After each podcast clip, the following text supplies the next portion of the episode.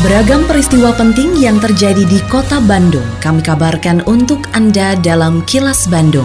Diproduksi oleh LPS PR SSNI Bandung bekerja sama dengan Humas Pemkot Bandung yang disiarkan serentak oleh 40 radio anggota PR SSNI Bandung. Sejumlah informasi aktual kami hadirkan untuk Anda dan inilah informasi utamanya. BNN Jabar sita ratusan kilogram narkotika. Pemkot dan Basnas bantu panti asuhan terdampak COVID-19. Lebih dari 236 ribu pekerja kota Bandung diajukan terima bantuan. Saya, Santika Sari Sumantri, inilah kilas Bandung selengkapnya. Badan Narkotika Nasional atau BNN Jawa Barat mencatat peredaran narkotika naik dua kali lipat selama pandemi COVID-19.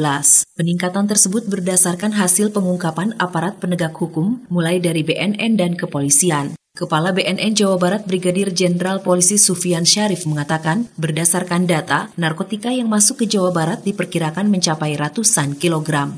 Menurut Sufian, meningkatnya angka penyalahgunaan narkotika tidak terlepas dari tingginya permintaan. Selain mengajak masyarakat peduli terhadap keadaan lingkungan tempat tinggalnya masing-masing, Sufian juga meminta masyarakat tidak mudah tergiur untuk menjadi kurir narkoba.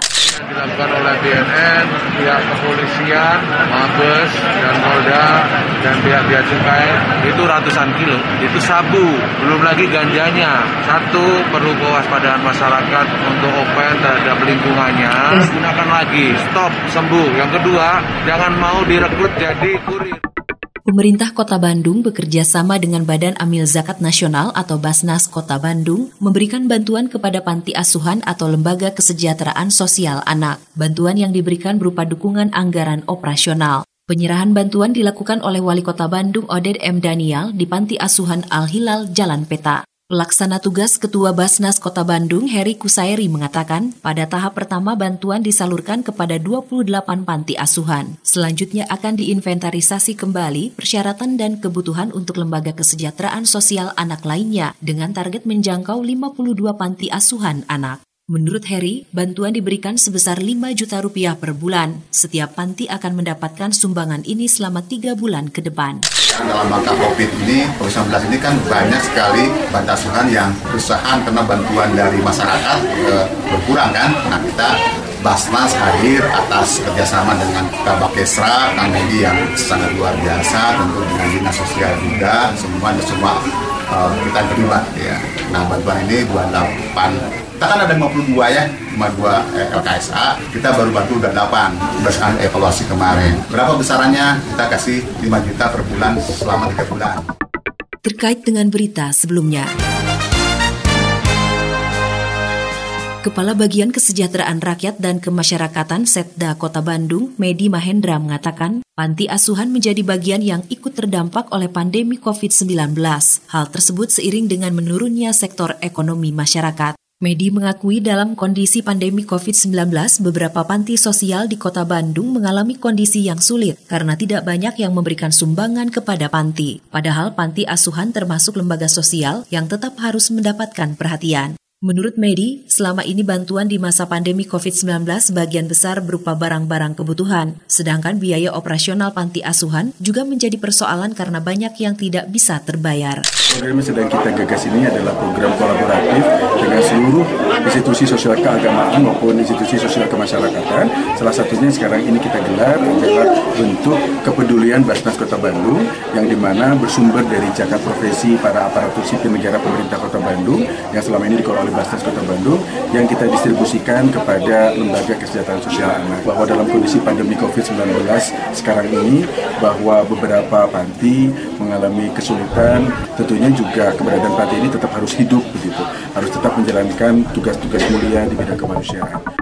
Dinas Penanaman Modal Pelayanan Terpadu Satu Pintu atau DPMPTSP Kota Bandung terus mengembangkan layanan kepada masyarakat dalam proses pelayanan izin usaha. Terlebih saat pandemi COVID-19, DP MPTSP tidak lagi memberikan pelayanan secara manual karena sudah diintegrasikan dengan teknologi informasi dan komunikasi. Sekretaris DPMP TSP Kota Bandung, Anton Sugiana mengatakan, seluruh layanan perizinan saat ini sudah dapat dilakukan secara daring atau online. Selain layanan penerbitan izin, DPMP TSP Kota Bandung juga membuka layanan konsultasi melalui berbagai media seperti telepon, video call, dan media sosial.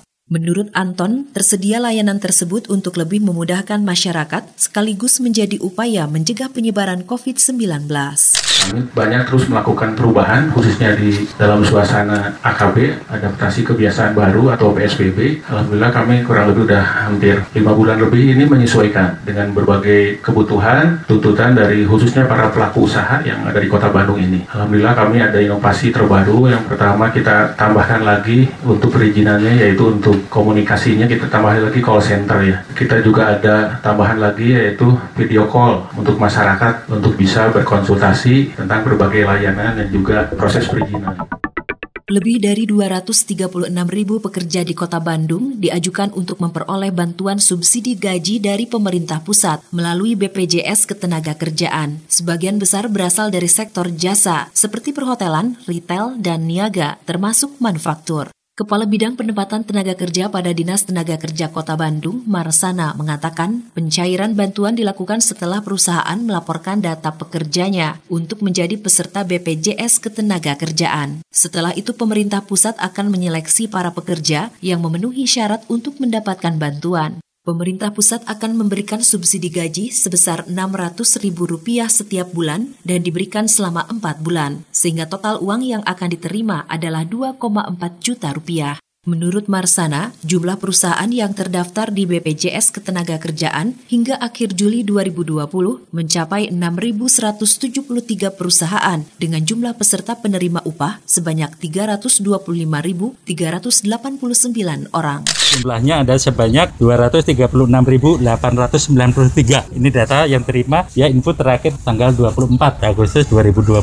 Mekanismenya perusahaan melaporkan data pekerjanya untuk menjadi peserta peserta BPJS Ketenagakerjaan. BPJS ini kan datanya lengkap, termasuk di situ ada data tenaga kerja, termasuk ada nomor rekeningnya. Karena untuk pencairan BPJS dan sebagainya itu ada persyaratannya yaitu rekening. Nanti pencairannya dari BPJS melaporkan ke pusat, pusat diseleksi apakah ini memenuhi kriteria atau tidak.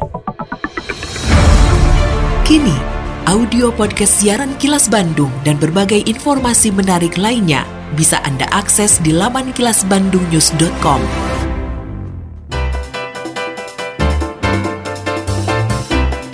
Berikut sejumlah agenda kerja para pejabat Pemkot Bandung Jumat 28 Agustus 2020.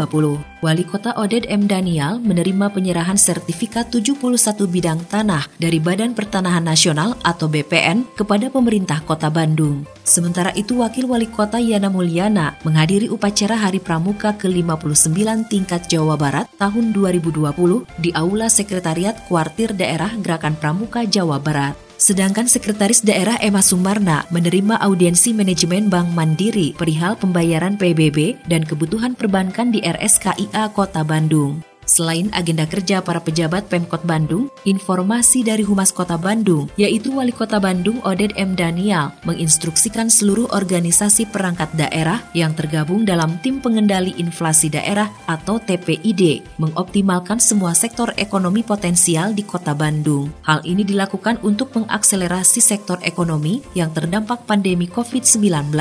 Wali Kota meminta ada strategi khusus agar ekonomi di Kota Bandung semakin menggeliat ia tidak memungkiri jika tugas mendongkrak ekonomi tidak mudah karena pemerintah juga harus mempertimbangkan aspek kesehatan masyarakat. Wali kota mengungkapkan sektor perdagangan, UMKM, jasa, dan pariwisata harus ditingkatkan kembali untuk menggerakkan roda perekonomian di kota Bandung. Selain itu, kemandirian warga dalam ketahanan pangan tetap harus diperkokoh meski kota Bandung tidak memiliki sektor pertanian yang kuat. Demikian agenda kerja para pejabat Pemkot Bandung dan info aktual yang diterima redaksi LPS PR SSNI Bandung dari Humas Pemkot Bandung.